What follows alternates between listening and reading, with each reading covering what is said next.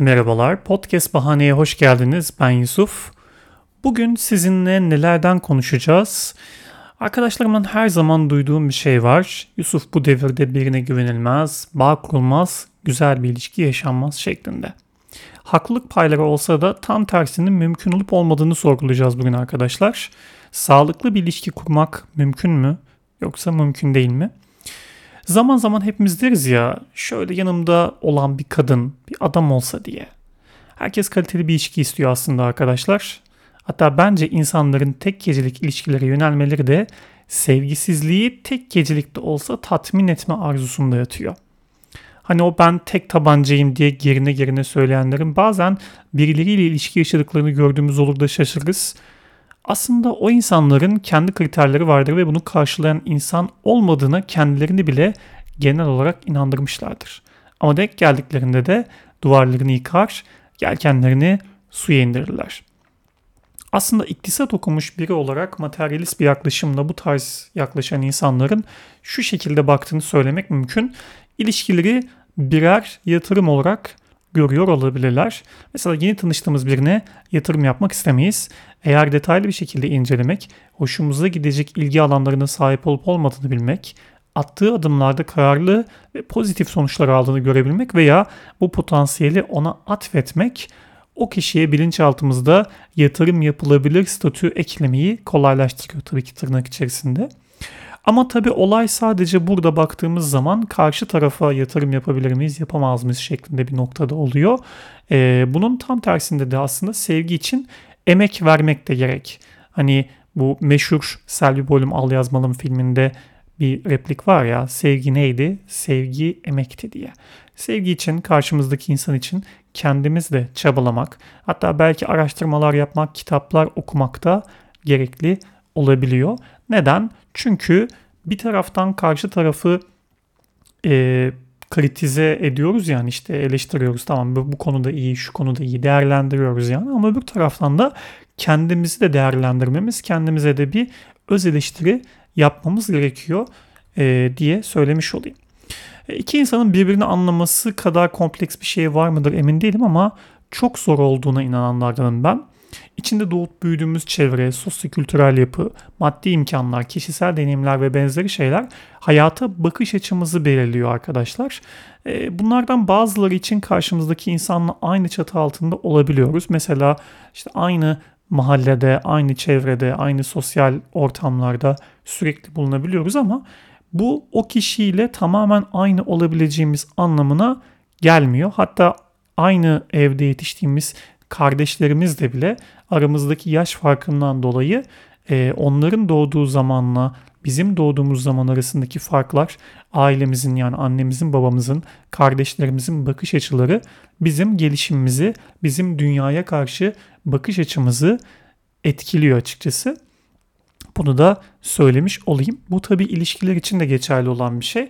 Dolayısıyla çevrenizde eğer ki e, sizinle aynı yaş grubunda olan bir insan bile olsa aynı ortamda yetişmiş olsanız dahi o insanla ortak olmayan şeyleri de paylaşmış oluyorsunuz. Daha doğrusu ortak olmayan şeylere de sahip oluyorsunuz.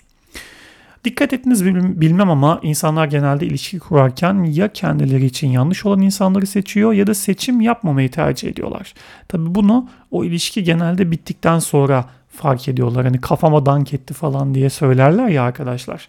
İşte bu şekilde oluyor genelde. Ya ilişki kurar ya işte insanlarla ilişki kurarken yanlış bir insan olduklarını düşünüyorlar. Yani keşke onunla ilişki kurmasaydım ya da seçim yapmamayı tercih ediyorlar ve iyi ki kimseyi seçmemişim. Bak şu an kafam rahat şeklinde bir düşünceye sahip oluyorlar. E, bunun kökeni de ilişkilere özellikle günümüzdeki ilişkilere güvenilmez gözüyle bakmak. E, haksız da sayılmazsınız aslında eğer böyle bir bakış açısına sahipseniz. Bu yüzden bugün kendi çevremde dahil birçok insanın muzdarip olduğu ilişkilerdeki sorunlar ve çözüm önerileri üzerine konuşmak istiyorum. Bu konu hem yaptığım araştırmaları hem de kız arkadaşımla birlikte keşfettiğimiz kişisel bir çözüm önerisini içeriyor. E, hadi bakalım o zaman sağlıklı bir ilişki günümüz şartlarında kurulabilir mi, kurulamaz mı? Yavaş yavaş konumuza giriş yapmış olalım. Evet, insanlar neden romantik bir ilişkiye başlamakta tereddüt eder sorusuyla konuya başlayalım. E, çünkü sonunda hayatından yılların hatta ömrünün çalınabileceği ihtimali her zaman bir kenarda duruyordur. Bu da şundan kaynaklı oluyor aslında. E, sonuç itibariyle takdir edersiniz ki bir insanla bir ilişkiye başlamak ona ciddi manada yatırım yapmak. Yani aslında bir çeşit vakit ayırmak oluyor. Onunla bir şeyleri paylaşmak, onunla bir şeyleri keşfetmek vesaire oluyor. Bu bizim hayatımızı hani bu işte olumsuz bakış açısıyla bakacak olursak hayatımızı zindana çevirebilen bir şey mi acaba diye bakalım. E, bu bakış açısına sahip olan insanlarda genelde bu konuda işte duyulan durumda kaygı, işte romantik bir ilişkiden kaçınan bir insan olmalarının da yolunu açıyor. Yani kaygılı oluyorsunuz insanla birlikte olma konusunda. Daha sonrasında da kaçıngan bir hale bürünüyorsunuz. Eğer işte bu bağlanma stillerini dinlediyseniz ya da bir yerlerde denk geldiyseniz popüler kültürde şu sıralar çok meşhur aslında. Ee, orada şöyle bir şey var. İşte 3 tane artı 3 artı 1 aslında farklı e, bağlanma stilleri var. Birincisi güvenli bağlanma. E, ikincisi kaygılı, üçüncüsü kaçıngan ve bonus olan 3 artı 1 dediğim sonuncusu da kaygılı ve kaçınganın birleşik olduğu bağlanma stili. E, bunlarla alakalı olarak işte biz şu anda aslında biraz kaçıngan ve kaygılı üzerine hatta kaçıngan kaygılı kombina, kombinasyonu üzerine olan insanların durumunu incelemiş olacağız. E, genel itibariyle insanlar bu fikriyatta bu e, duygu durumunda oldukları zaman ilişkilerden kaçınmaya daha çok meylediyorlar. Evet 3 tane maddemiz var aslında bir tane daha var ona da belki değinebilirim. Şöyle ki ilk maddemiz e, önceden yaşadığımız kötü deneyimler. İnsanların ilişkiye başlamakta tereddüt etmesinin ilk sebebi önceki kötü deneyimler. Bu da aslında biraz işte güvensizlik ya da kendinize olan güvensizlik de aynı şekilde olabiliyor ya da korku. E bu mesela örneklendirecek olursak e, şöyle bir örnek verebiliriz buna. Mesela aldatıldığınızı düşünün sizi e, daha önceden aldatıldığınız için sağlıklı bir insan olarak gördüğünüz, güzel bir ilişki yaşayabileceğiniz bir insan için bile ya o da beni aldatırsa şeklinde bir hissiyata sahip olabiliyorsunuz ve bundan dolayı yeni bir ilişkiye başlamakta tereddüt edebiliyorsunuz. İkincisi olarak da bağımsızlık ihtiyacı söz konusu. O da ilişkiyi kısıtlayıcı olarak gören insanlarda ilişkiden kaçınma ihtiyacını doğuruyor. Onun sebebi de biraz aslında şöyle. Yani bir ilişkiye başlamak istiyorsunuz ama o insanın sizi kısıtlayacağını, size belli konularda zaptırap altına alacağını sizi düşünüyorsunuz. Bundan dolayı e, yeni insanlarla tanışmaktan bile kendinizi alıkoyuyorsunuz. Yani bir ilişkiye girmekten. Tabii bu kastettiğim burada günübirlik ilişkiler değil, ciddi ilişkiler, uzun vadeli, e, sürekli bir ilişkiye, düzenli bir ilişkiye sahip olmaktan bahsediyorum. E, bunun yanı sıra toplumun e, baskısına direnç göstermekte e, ilişkiye karşı bir tereddüt unsuru olarak karşımıza çıkıyor. O da nedir? İki tane farklı şekilde açıklayayım bunu. Bir tanesi işte ailenizin ya da yakın çevrenizdeki insanların evlen artık demesi. İşte evlendiğinizi düşünün ya da işte güzel bir ilişkiye başladığınızı, bir ilerlettiğiniz ilişkinizi düşünün. İşte çocuk sahibi ne zaman olacaksın? Hadi birinci çocuk doğdu, ikinci çocuk ne zaman olacak falan diye böyle bitmek bilmeyen bir kısır döngüye sizi sürüklüyor. Bu işin bir tarafı. Diğer bir tarafı da şu. Mesela çevrenizde güzel bir çift görüyorsunuz. Bir ideal ilişki olarak gözlemliyorsunuz onu. Ve işte onun karşısında şöyle düşünüyorsunuz yani tamam güzel hani iyi bir ilişkisi var ama ben böyle bir ilişkiye sahip olamayabilirim. E, bundan dolayı da işte girsem mi biriyle bir ilişki başlatsam mı başlatmasam mı şeklinde bir şey oluyor. E, bunun bunun da şöyle bir tarafı var aslında. O e, uygun hani ideal çift olarak düzgün bir çift olarak gördüğünüz insanların da e, her zaman güzel geçmiyor yani günleri. İlla tartışıyorlar, tatsızlık yaşıyorlar vesaire. E, bunu görünce ya da etrafınızda evlenmiş olan e, normal diğer insanların da sürekli kavga ettiğini ya da ilişkiye girdikten sonra huzursuzluğa başladığını, huzursuzluk yaşamaya başladığını gördüğünüz zaman ister istemez kendinizi ilişkilerden uzak tutma ihtiyacı gidiyorsunuz. E, bu arada bir de şöyle bir şey var hayalinizde bir partner oluyor her zaman işte hani kafanızda ya şöyle bir insan olsa onunla birlikte olurum şeklinde düşünebiliyorsunuz. Eğer ilişkiye başlamakta tereddüt eden bir insansanız e, böyle bu bir durumda da hani aslında bunun da biraz kökeni şuna dayanıyor.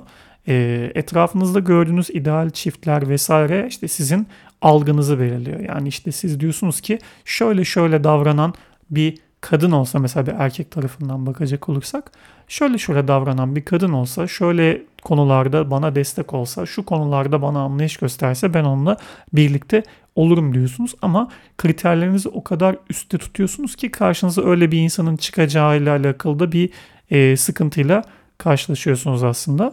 Evet problemlerimiz genel itibariyle böyle. Yani tereddüt etme sebeplerimiz önceki kötü deneyimlerimiz, bağımsız kalma ihtiyacımız ki bağımsız kalma ihtiyacını biraz daha açalım aslında. O da şöyle. Mesela diyelim ki bir şeyle uğraş, uğraşmak istiyorsunuz. Kitap okumayla ya da yeni bir hobi edinmek istiyorsunuz. Bir piyano çalmak istiyorsunuz. Bir e, enstrüman çalmak istiyorsunuz. Ya da e, daha önceden yapmadığınız bir şeyler yapmak istiyorsunuz. E, bunları yapmaya çalışacağınız zaman karşınızdaki insan sizi tutup çekebilir. Hayır onu yapamazsın. İşte ben onu istemiyorum e, sen de bunu yapmayacaksın şeklinde. Bu da tabii sizin bağımsızlık ihtiyacınızı doğuruyor. Evet bunu da açıkladıktan sonra yine tekrardan özetleme kısmına geçelim. Şöyle ki tereddüt etme sebeplerimizden, yeni bir ilişkiye başlamakta tereddütlü olma sebeplerimizden bir tanesi ne dedik? Önceki kötü deneyimler. Diğer bir tanesi bağımsızlık ihtiyacı. Diğer bir tanesi mükemmeli aramak, hayalindeki partneri arama ihtiyacı. Diğer bir tanesi de toplumsal baskılara karşı direnç göstermek, toplum baskısı diyebiliriz. Ee, çözüm noktasına gelecek olursak da aslında tüm bu saydıklarımın tek bir tane çözümü var. O da e, bizim kendi ilişkimizde e, ironik bir isim olarak konsey dediğimiz aylık değerlendirmeler yapmak arkadaşlar. Evet. Beyaz yakalı iki tane çalışan ilişkisinden başka ne bekleyebilirdiniz ki? Yıllık olarak yapılan değerlendirmeleri biz aylık olarak yapmaya çevirdik.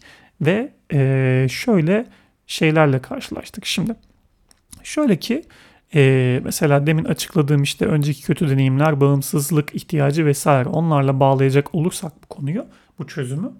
E, önceki kötü deneyimlerinizin sebebi güvensizlik ve korku oluyor aslında. Yeni bir ilişkiye başlamakta karşınızdaki insana güvenmiyorsunuz. Aynı zamanda kendinize de güvenmeyebiliyorsunuz ve yeni bir ilişkiye adım atma konusunda korku, endişe, kaygı yaşıyorsunuz.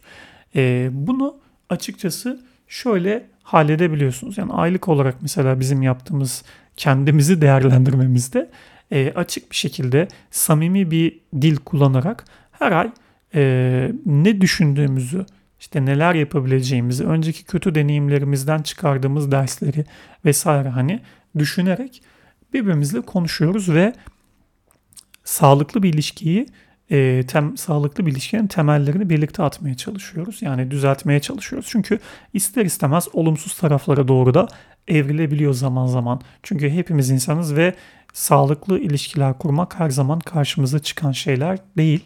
Dolayısıyla e, etraftan hani böyle ufak zelzeleler vasıtasıyla e, ufak bir sarsıntı söz konusu olabiliyor ilişkinin içerisinde. Ama konuşarak bunu aylık olarak değerlendirip masaya yatarak bunu e, iyi bir dille birlikte çözmek mümkün zaman içerisinde ama tabii bunu bir anda tek seferde konuştum hadi halloldu diye bir bakış açısı mümkün değil. Bu sadece işin başlangıç aşamasını oluşturuyor. E, ikinci bir konumuz neydi? Bağımsızlık ihtiyacı. Bağımsızlık ihtiyacının kökeninde yatan şey ya o beni hayattaki amaçlarımdan saptırırsa, ya o beni eğlencelerimden uzak tutarsa, ya o benim istediğim şeyleri yapmama engel olursa kaygısı. E, bunu da demin de bahsettiğim gibi karşınızdaki insanla ya ben kitap okumak istiyorum. Ya ben spor yapacağım, egzersiz yapacağım. Şöyle bir kursa yazılacağım ve ben bunu işte e, tek başıma da yapabilirim, yapmak istiyorum ya da sen de katılmak istersen katılabilirsin şeklinde karşınızdaki insanla konuşmak gerekiyor. Bunu düzenli olarak yapmak gerekiyor e, diye düşünüyoruz. E, dolayısıyla bir de bir de şöyle bir durum söz konusu arkadaşlar. Yani şimdi karşınızdaki insan dediniz ki ya ben böyle böyle bir kursa yazılacağım. O dedi ki ne nasıl olur ben bunu kabul edemiyorum bil, kabul etmiyorum bilmem ne falan tartıştı. E, böyle bir insanla da ilişki yürütmemenin mantıklı olacağı, sağlıklı olacağını söylemek lazım. Yani bu e, bizim konsey adını verdiğimiz aylık olarak birbirimizi değerlendirmemiz, ne düşündüğümüzü birbirimizle açık bir şekilde paylaşmamız, açık bir iletişim kurmamız e, bize şunu da getirmiş oluyor. Yani karşımızdaki yani şöyle söyleyeyim aslında karşınızdaki insan eğer ki size sizin hayata dair amaçlarınıza uygun bir şekilde ilerlemek istemiyorsa bunu da görmenizi sağlıyor. Eğer aynı yolu birlikte yürümek istiyorsanız o kişiyle zaten bağınız daha da kuvvetlenmiş oluyor. Dolayısıyla e, açık iletişimle bu arada bunların hepsini açık iletişimle yapıyoruz. E, bu aylık değerlendirmeleri yapmak bağımsızlık ihtiyacınızı da zedelemeden sizin bir şeyler yapabilmenizi sağlayabiliyor. Bunun sonrasında hayalimizdeki partneri aramaktan bahsetmiştik. Bu da mükemmeliyetçilikle alakalı bir şey.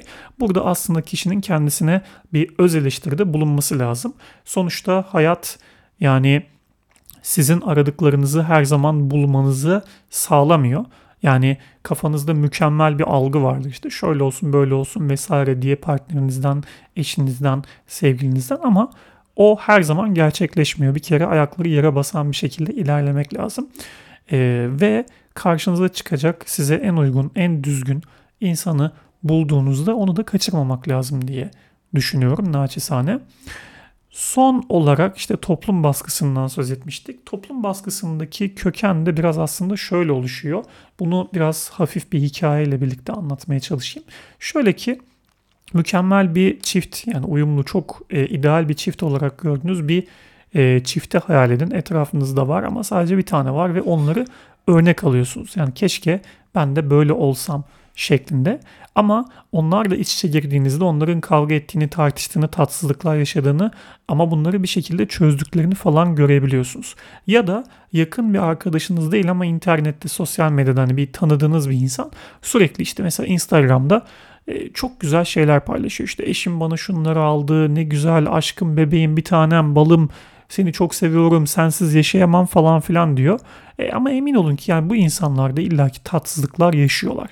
Ki bu tarz paylaşımları çok fazla yapan insanların bir araştırmaya göre daha fazla kavga ettiği ve sadece onları örtbas etmek için böyle paylaşımlar yaptığı, sosyal medyayı bu şekilde e, kullandığı ortaya çıkmış. E, bunları da düşündüğümüz zaman aslında bir noktada insan şunu düşünüyor. Yani aslında bu insanların bir e, büyük bir çoğunluğu, yani hatırı sayılır bir çoğunluğu diyelim. El alem ne der? El alem bize güzel şeyler söylesin. El alem bizi iyi bilsin algısı yatıyor. Eğer e, siz de mesela işte bir karşınızdaki insanla oturup ya biz el aleme göre mi yaşayacağız? El alemin söyleyebileceği bazı şeylerden olumsuz etkilenecek miyiz? Yoksa kendi ilişkimizi kendi içerimizde mi yaşayacağız?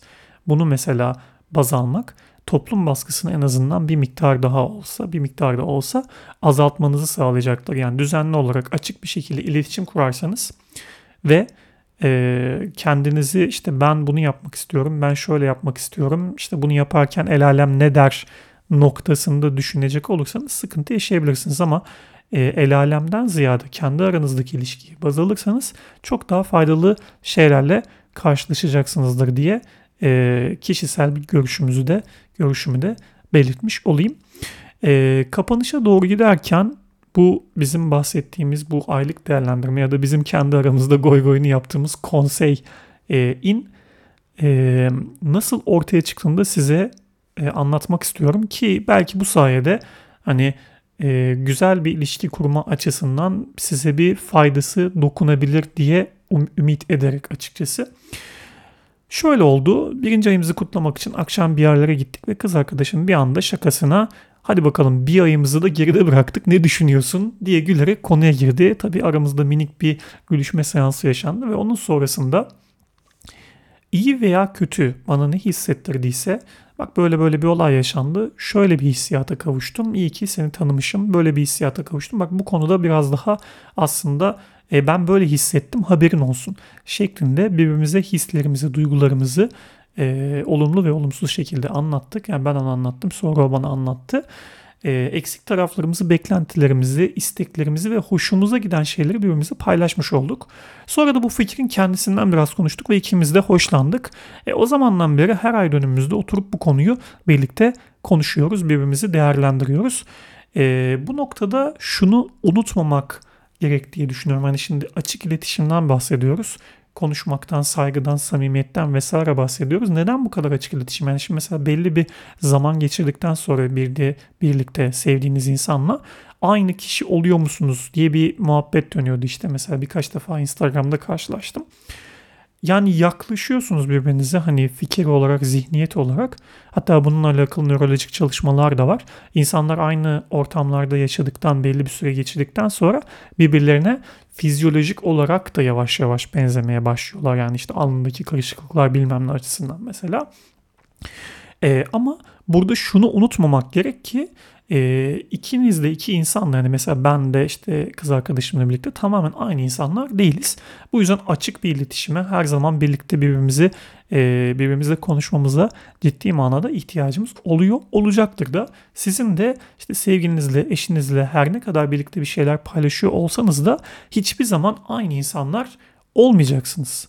Bunu kabul etmek sizi ihtiyaçlarınıza götürecek arkadaşlar. İhtiyaçları da bizim örneğimizdeki gibi açık ve kırılmadan, darılmadan birbirinizle paylaşabiliyorsanız neye ihtiyacınız olduğunu sonunda daha kalıcı ve güzel bir ilişkiye doğru yol alabiliyorsunuz. Temellerinizin sağlam olması sizi bu konuda endişeden, kaygıdan uzak tutuyor ve hayatınızdaki diğer alanlara tek başınıza veya birlikte el atıp düzeltebilmenize olanak sağlıyor. Yani toksik bir ilişkiye sahip olduğunuzu düşünün. Toksik bir ilişki sizin zaten sizi zaten dibe doğru çektiği için bir ilişki yaşamanızın mantığı kalmıyor. Çünkü size her zaman zarar veriyor. Tabii ki de karşınızdaki insana da zarar veriyor. Ama tam tersine sağlıklı bir ilişkiye sahip olduğunuzda neler oluyor? Huzurunuz artıyor, stres seviyeniz ciddi oranda azalıyor ki Türkiye gibi bir ülkede yaşıyorsunuz. Yaşıyorsanız eğer ki beni yabancı ülkelerden de dinleyenler varmış. Onlara da buradan teşekkür edeyim. Türkiye gibi bir ülkede yaşıyorsanız stresin zararlarından bahsetmeye podcast bölümleri yetmez arkadaşlar.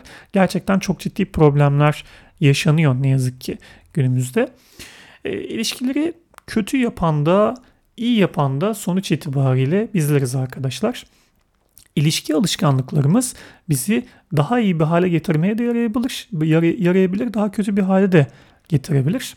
Biz beyaz yakalı bir çift olarak çözümü aylık değerlendirmelerde yani bizim tabirimizle konseyde bulduk. E, sizin bu konuyla alakalı başka önerileriniz var mı merak ediyorum açıkçası. Ee, Yusuf ben de ilişkimde şunu denedim ve başarılı olduğumu gördüm. Seninle de paylaşmak istiyorum derseniz Podcast Bahane Instagram hesabından bana ulaşabilirsiniz. E, bu önerileri diğer arkadaşlarla da paylaşmayı hani diğer insanlarla da paylaşmayı ben e, tercih edeceğim. Ama tabii sizin de izin vermeniz halinde. E, sonuçta sizin de kendi kişisel bilgileriniz de bunun içerisinde olabilir. Dolayısıyla e, buna da saygı duymak lazım e, diye söylemiş olayım. E, amaç yani buradaki amaç aslında benim şu anda bu burada yaptığım şey bu podcast bu bölüm bu podcast bölümünde yapmaya çalıştığım şey şu. Ben kendi deneyimlerimi biraz anlattım. İşte ilişkilerle alakalı biraz araştırma yaptım. Neler yapılabiliyor, ne gibi problemler genel itibariyle yaşanabiliyor şeklinde. E buna da bir çözüm önerisi sunmaya çalıştım. Eğer sizin de çözüm önerilerinizle birlikte bir şeyler yapabilirsek diğer insanların sağlıklı ilişki aramak e, için bu bölümü dinleyen insanların da e, faydasına olacak bir şeyleri sadece ben burada monologla değil sizin de desteğinizle yapmış olurum ki bu diğer insanlar için çok daha faydalı olacaktır diye belirtmiş olayım. Ee, Instagram'da kapanışa doğru giderken şöyle de bir şey söylemek istiyorum. Instagram'da şöyle bir şeyle karşılaşmıştım. İki kişi isterse her engel aşılır. Ama iki kişi de isterse. İlişkide her zaman her şeyin karşılıklı olması gerekiyor ama insanların birbirini rahatça anlayabilmesi için açık ve samimi bir dille kurulan iletişim olmazsa olmaz bir şey. Deminden beri aslında biraz vurgusunu aralarda yaptım ama bunu açık bir şekilde de söylemek gerektiğini düşünüyorum. Yani oturdunuz bir insanla birlikte işte ilişkinizi değerlendirmeye koyuldunuz ama açık bir iletişim kuramıyorsunuz. Birbirinize karşı dürüst olamıyorsunuz ya da belli şeyleri saklıyorsunuz. Yani bu sizin ilişkinize yine zarar verecek bir şeydir. O masadan kalkarsınız ama bir daha aynı şekilde bir masaya oturamazsınız. Böyle bir ihtimal de söz konusu. Dolayısıyla açık iletişim, samimiyet, birlikte bir şeyleri paylaşmak ve belli konularda birlik olabilmek sizin ilişkinize katkı sağlayacaktır. En azından benim kendi tecrübem, sağlıklı ilişki yaşadığını gördüğüm arkadaşlarımın tecrübeleri, yani onlardan süzdüğüm tecrübeler, dinlediğim, aldığım dersler diyelim bu şekildeydi. Ee, beni dinlediğiniz için çok teşekkür ediyorum. Umarım size faydalı, ilerleyen yıllar için sağlıklı, güzel ilişkiler kurma imkanı sağlayan bir bölüm olur. E, kapanış artık geldi. Kendinize ve çevrenize çok çok iyi bakmanız dileğiyle bir sonraki bölümde görüşürüz. Hoşçakalın.